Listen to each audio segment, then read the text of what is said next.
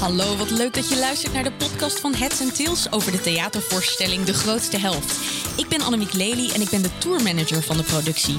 Dit betekent dat ik ervoor zorg dat alles achter de schermen goed verloopt. En de komende weken neem ik jou mee backstage. Ik praat met de regisseur, producent, acteur, scriptschrijver en diverse experts op het gebied van relaties en communicatie. Veel luisterplezier! Het is midden oktober en helaas is datgene gebeurd waar we al een beetje bang voor waren. De tour ligt stil vanwege de coronamaatregelen. Juist nu willen we verhalen blijven vertellen. Daarom spreek ik vandaag af met Corine Kolen, het brein achter de populaire Volkskrant podcastserie van Twee Kanten. Corine interviewt twee geliefden los van elkaar over hun relatie. Op deze manier voelen de geïnterviewden de ruimte om open over hun relatie te vertellen en worden ze niet beïnvloed door elkaars perspectief. De verhalen zijn herkenbaar, soms pijnlijk, maar tegelijkertijd prettig om naar te luisteren. Ieder verhaal kent twee waarheden. Iedere liefde kent twee perspectieven. Net als de voorstelling De Grootste Helft. Ik ben benieuwd wat Corine mij kan vertellen over het vertellen van beide verhalen als één verhaal. Hoi Corine, wat fijn dat ik langs mocht komen in deze ingewikkelde tijden. Ja. Ik ben heel benieuwd. Hoe ben je ooit op het idee gekomen om de podcastserie van Twee Kanten te maken? Uh, ja, hoe ben ik ooit op het idee gekomen? Volgens mij was Corinne van Duin die daar de, de boel runt uh, qua podcast en bij de Volkskrant. Die, daar had ik het al eens een keer mee over gehad. Zij zei van, jij bent onze Esther Perel. Wat ik natuurlijk helemaal niet met haar eens ben. Maar dus laten we gewoon een podcast maken over de liefde. Alleen wisten we toen nog niet eens, nog niet meteen hoe we dat zouden doen.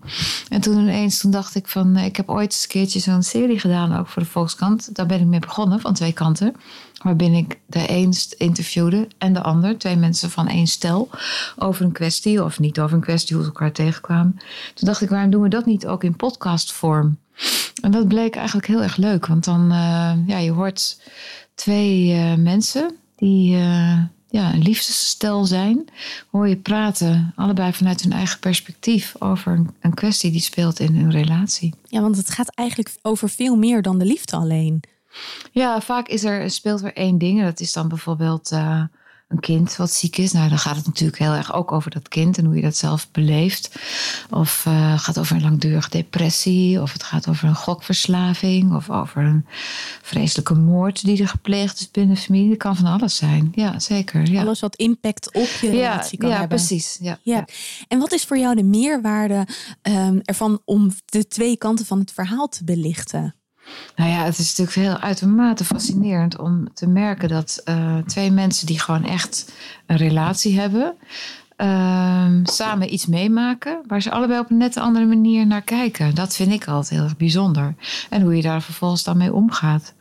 Dat, uh, ja, dat is gewoon heel erg fascinerend om te merken dat je kennelijk hetzelfde kan meemaken en er toch anders naar uh, kan kijken. Was bijvoorbeeld een. Uh, ik heb een podcast gemaakt over een jong stel dat een baby krijgt.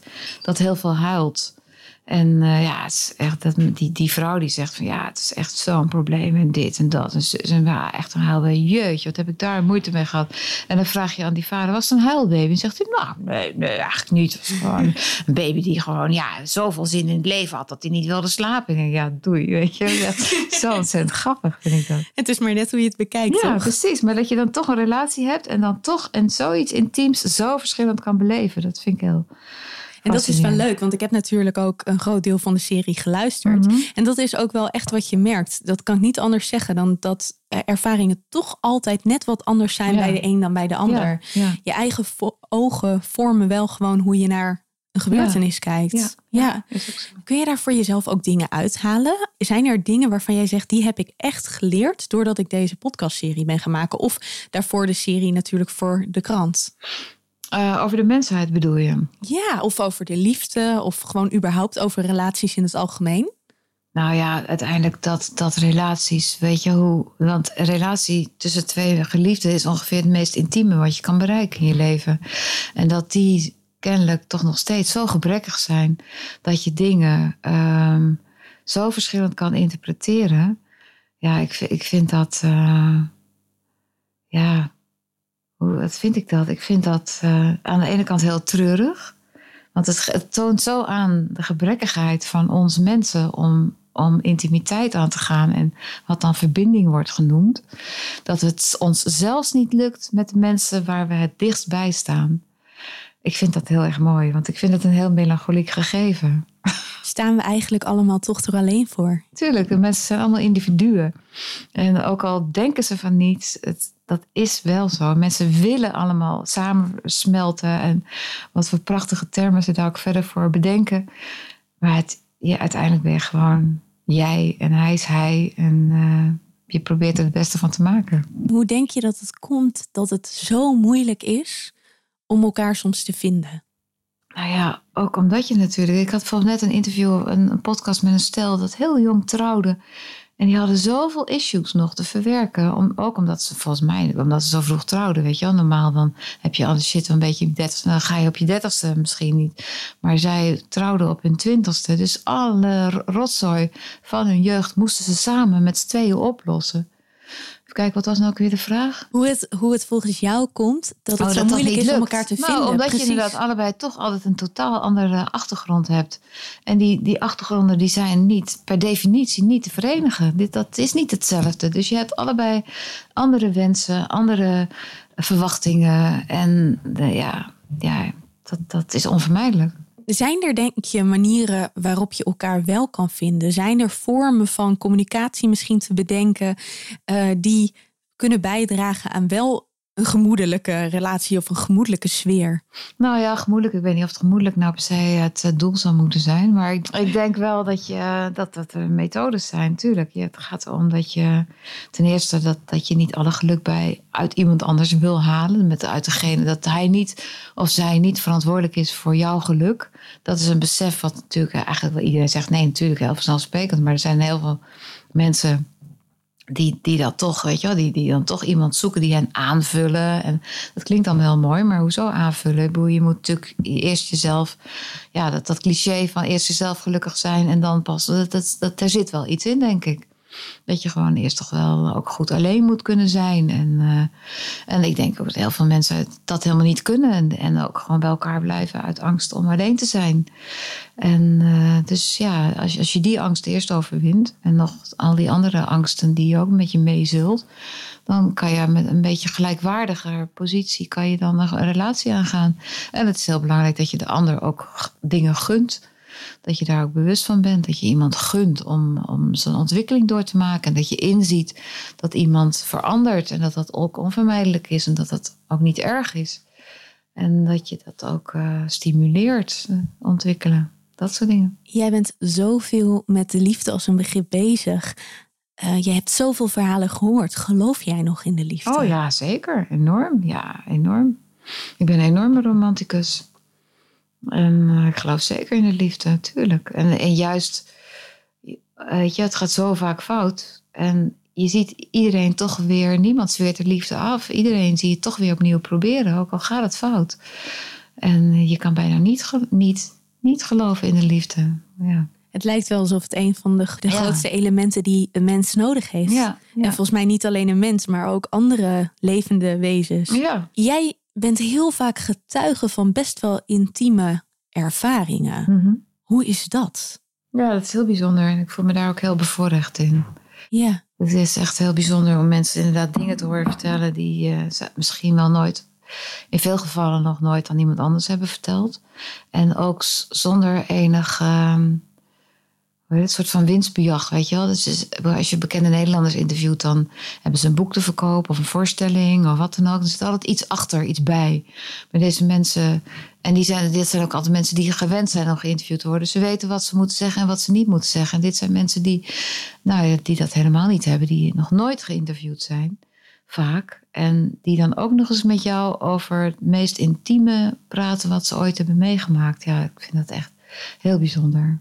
Heb je daar een speciaal plan van aanpak voor van tevoren? Of heb jij dat dat je ieder interview op dezelfde manier doet? Of merk je dat je steeds moet bijsturen uh, per stel, per apart interview? Nee, wat denk ik het allerbelangrijkste is, is dat je gewoon. Uh, ja, het klinkt een beetje suf, maar het gaat om respect. Het gaat om dat je iemand moet willen begrijpen. En op het moment dat je iemand moet, zonder, zonder oordeel.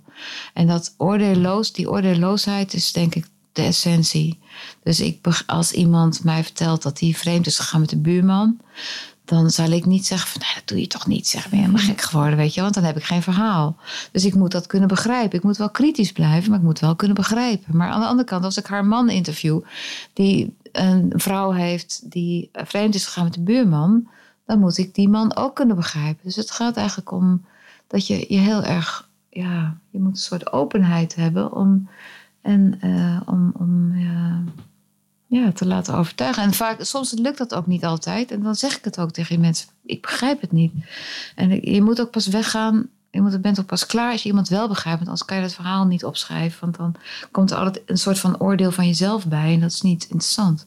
Ja, precies. Jij bent echt de, de, de doorgever van het verhaal en niet meer dan dat. Ja, in dit geval. Ja, ja, precies. Dat kan ik me wel voorstellen. Zeker als je bijvoorbeeld een verhaal hebt over moord of over bepaalde gruwelijkheden waar je gewoon het liefst zo ja, ver mogelijk mhm. van blijft, dan is dat best een stap om zo open te blijven. Ja, maar het is Hoe lukt het je? Nou, dat, is, dat is gewoon heel simpel. Gewoon het doen.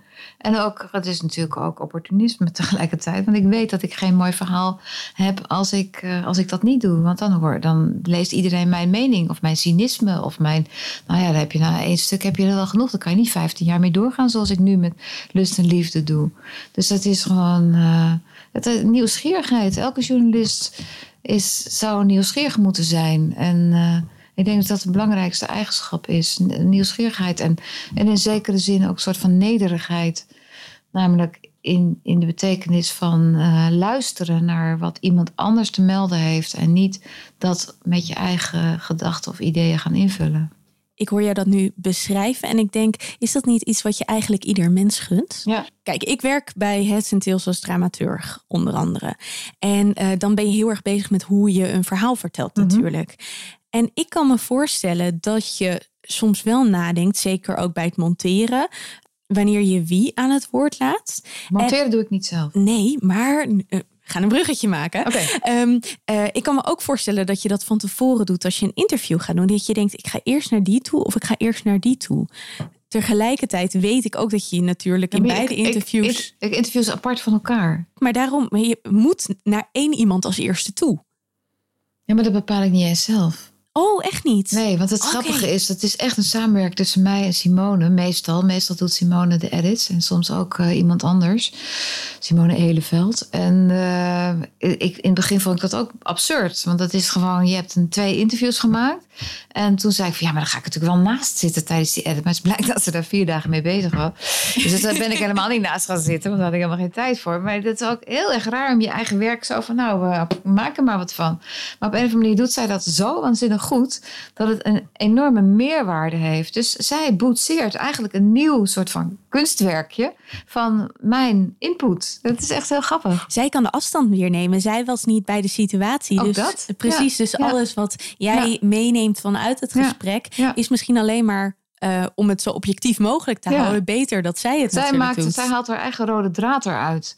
En iedereen is uiteindelijk uh, heel erg tevreden met die rode draad. En dat is echt heel bijzonder. Fantastisch. Ja. ja, mijn vraag van voort uit. Ik heb uh, de vorige aflevering heb ik een stel geïnterviewd, ook los van elkaar, mm -hmm. um, uh, wat zogeheten goed gescheiden was. En mm -hmm. in dit geval kwam het goed gescheiden dan terecht op het feit dat ze nog goed met elkaar door een deur gingen, uh, ook echt nog om elkaar geven.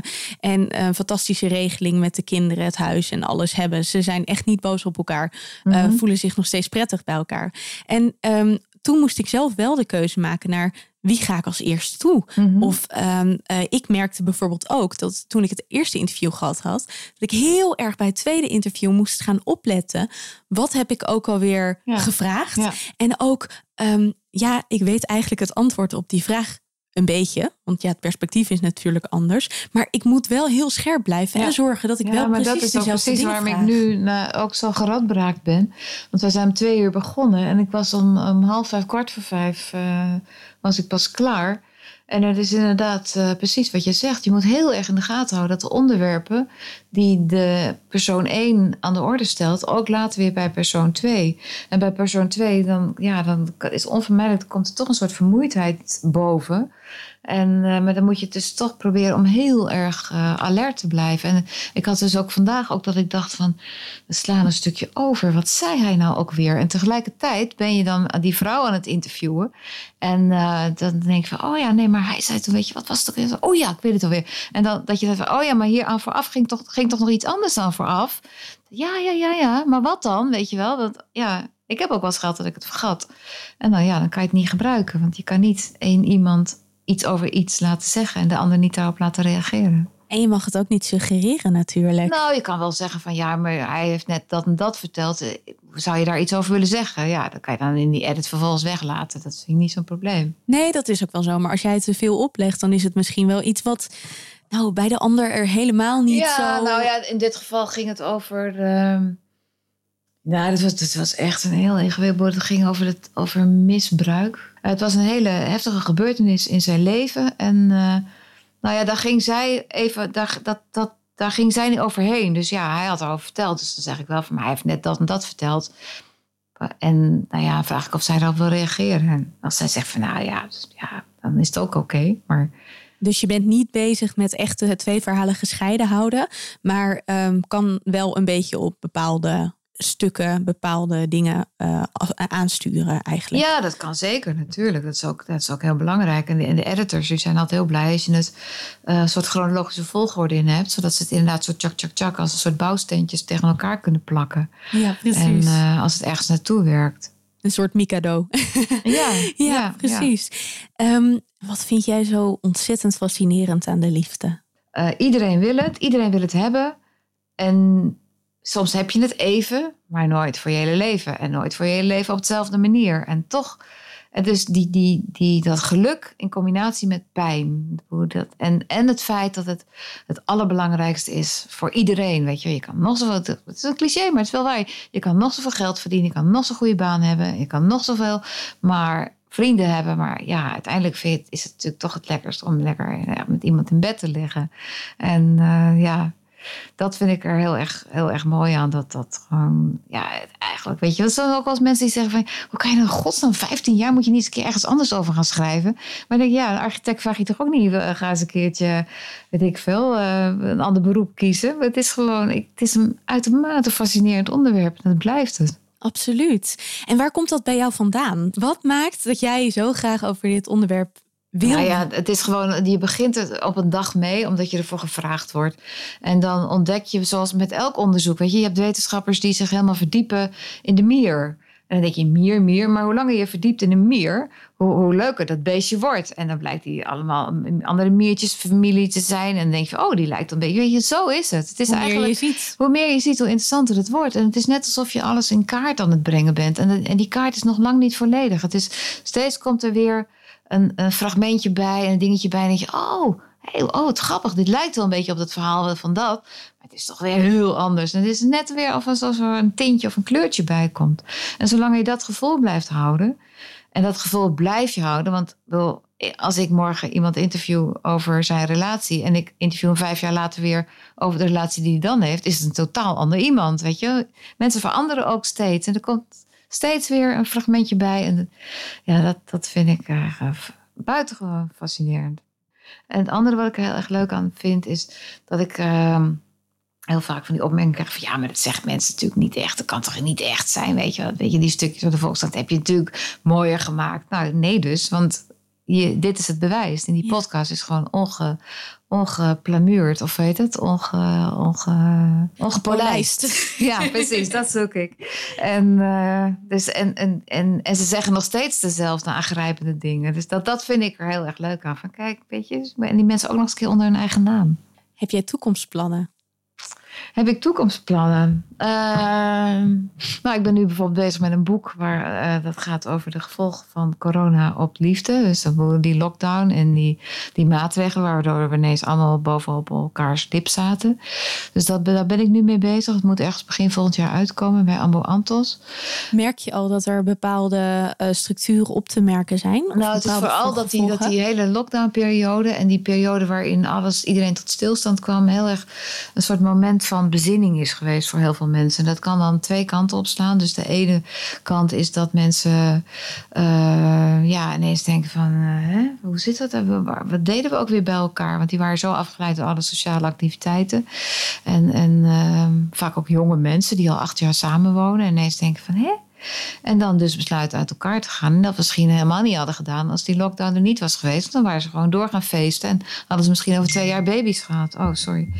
En... Uh, en dat, maar ook mensen die, uh, die, die uh, ja, gewoon elkaar leren kennen. En die lockdown komt eraan en denken van ja, moet, we gaan maar gewoon samenwonen en nu zwanger zijn. En, weet je, maar het is heel veel verschillende effecten. Maar het is vooral, het, het, de grote deler is vooral het moment van, van bezinning. En toen ik aan begon, dacht ik, nou het is natuurlijk alleen maar negatief, weet je. Maar dat blijkt dus helemaal niet te zijn. Het blijkt heel veel positieve uh, gevolgen te hebben. Dat is wel heel mooi. Vind ik fijn om te horen. Want ik moet zeggen dat ik gedacht heb, inderdaad, er zullen wel coronascheidingen komen. Ja, die zijn er ook hoor. Ja, en, ook bijvoorbeeld het daten lijkt me heel ingewikkeld ja, geweest. Dat is ook heel ingewikkeld. Maar ja. mensen weten daar dan toch wel altijd wel weer een vorm voor te vinden. Niet iedereen, maar sommigen wel. Zoals deze mensen die, die dan denken van nou, dan gaan we gewoon meteen ook samenwonen, weet je wel. En dan blijkt het ook nog goed te werken. En de coronababy's, dat is natuurlijk ook wel ja, een... ik heb ook een nichtje die een coronababy krijgt. Een hele leuke, ja, ik een hele goede vriendin. Ja? Ja? dat is een leuke bijkomstigheid. Ja, ja, maar het is dus inderdaad of de, aan de ene kant de babyboom en aan de andere kant is het de, uh, de scheidingen. Want ik had ook allemaal voor gisteren eindeloos weer zitten bellen met een scheidingsadvocaat. Ja, nou, 30% meer scheidingen. Wel ook wel weer grappig. Of grappig, interessant. Ja, nou, eh, heel interessant om mee bezig te zijn. Ja, ja. Voor mij is liefde Um, ja, dat is eigenlijk best wel ingewikkeld nu, nu ik dit zo begin. Maar uh, voor mij is liefde toch een vorm van totale verbondenheid die je zo af en toe kwijt kan raken. Maar mm -hmm. het mooie is dat je het, af en, dat je het meestal wel weer terug kan vinden. Wat is liefde voor jou? Uh, ja, als mijn eerste woord wat opkomt, is een soort reis. Want bedoel, ja, ik ben natuurlijk echt al, al, al hoe lang? Sinds 1985 met die meneer die je net in de keuken tegenkwam. Toen was ik nog niet geboren. Nee, dat meen je niet. Ja, nee, precies. Het is voor mij ook heel bizar. En ik was 24, hij was 41, dus hij is nu uh, ergens in de 70. En uh, het is gewoon een, het is een soort van tocht. En het is uh, ja, waanzinnig bijzonder wat je, wat je, wat je meemaakt met z'n tweeën. En ja, onderweg. En precies wat je zegt, af en toe raak je elkaar kwijt en dan vind je elkaar weer. En, uh, maar ik denk dat, dat, dat de grootste, uh, het belangrijkste is inderdaad het, het elkaar gunnen om, om het feit waar, waar we mee begonnen, weet je wel, dat, dat iedereen anders is. Dat je dat ook elkaar gunt. En dat onder ogen ziet dat je anders bent. En dat je ook um, ja, iemand anders bent dan, dan, dan hij of zij. En dat je ook daarin nog eens een keer heel erg verandert. Dus het is een kwestie van heel erg opletten geblazen. Mooi. Wij willen jou graag uitnodigen om zodra het weer kan te komen kijken naar onze voorstelling samen met je liefde. Of misschien wel met iemand anders. Het is maar net uh, wat je zelf het prettigst vindt. Ontzettend bedankt voor het interview. En ja. succes met het schrijven van het boek. Ja, graag gedaan. Dankjewel. Wil jij de grootste helft graag zien? Dat kan, want de voorstelling reist nog tot januari 2021 langs de Nederlandse theaters. Ga naar headsandtails.nl en bekijk de speellijst. Leuk om je daar te zien. En laat je daarna weten wat je van de voorstelling vond via onze socials. Tot dan!